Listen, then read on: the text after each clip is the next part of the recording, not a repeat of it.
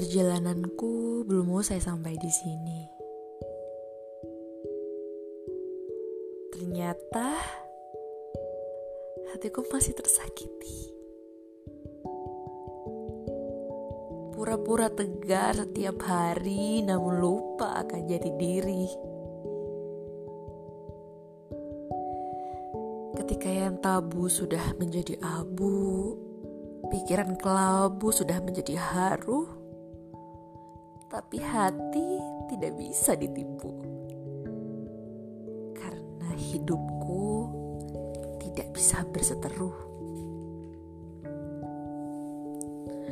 Aku berdoa kepada Tuhanku untuk mendengarkan hatiku lagi.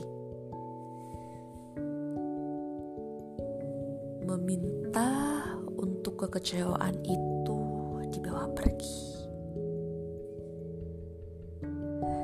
Kasih. Terima kasih ya Allah. Engkau telah menunjukkan kesalahan-kesalahan dariku untuk tidak dibawa mati.